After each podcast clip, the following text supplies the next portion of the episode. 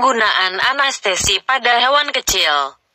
Materi ini bersumber dari Dr. Hewan Cekus Harjono. Anestesi ialah hilangnya rasa dari sebagian tubuh atau seluruh tubuh.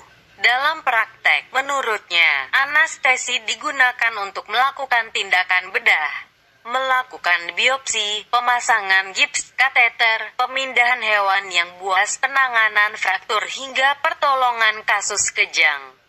Pemberian anestesi pada hewan ada beberapa cara yaitu intramuskular, intravenus, subkutan, epidural, infiltrasi, topikal, oral dan inhalasi.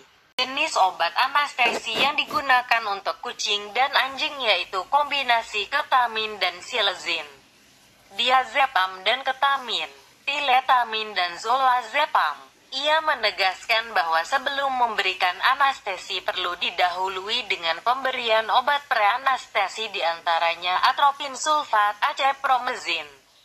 Bila mana pemberian preanestesi sesuai dengan prosedur dan keperluannya, maka stres, depresi dari kardiopulmoner dan efek akibat pemberian anestesi secara intravenus dapat dikurangi. Jelasnya.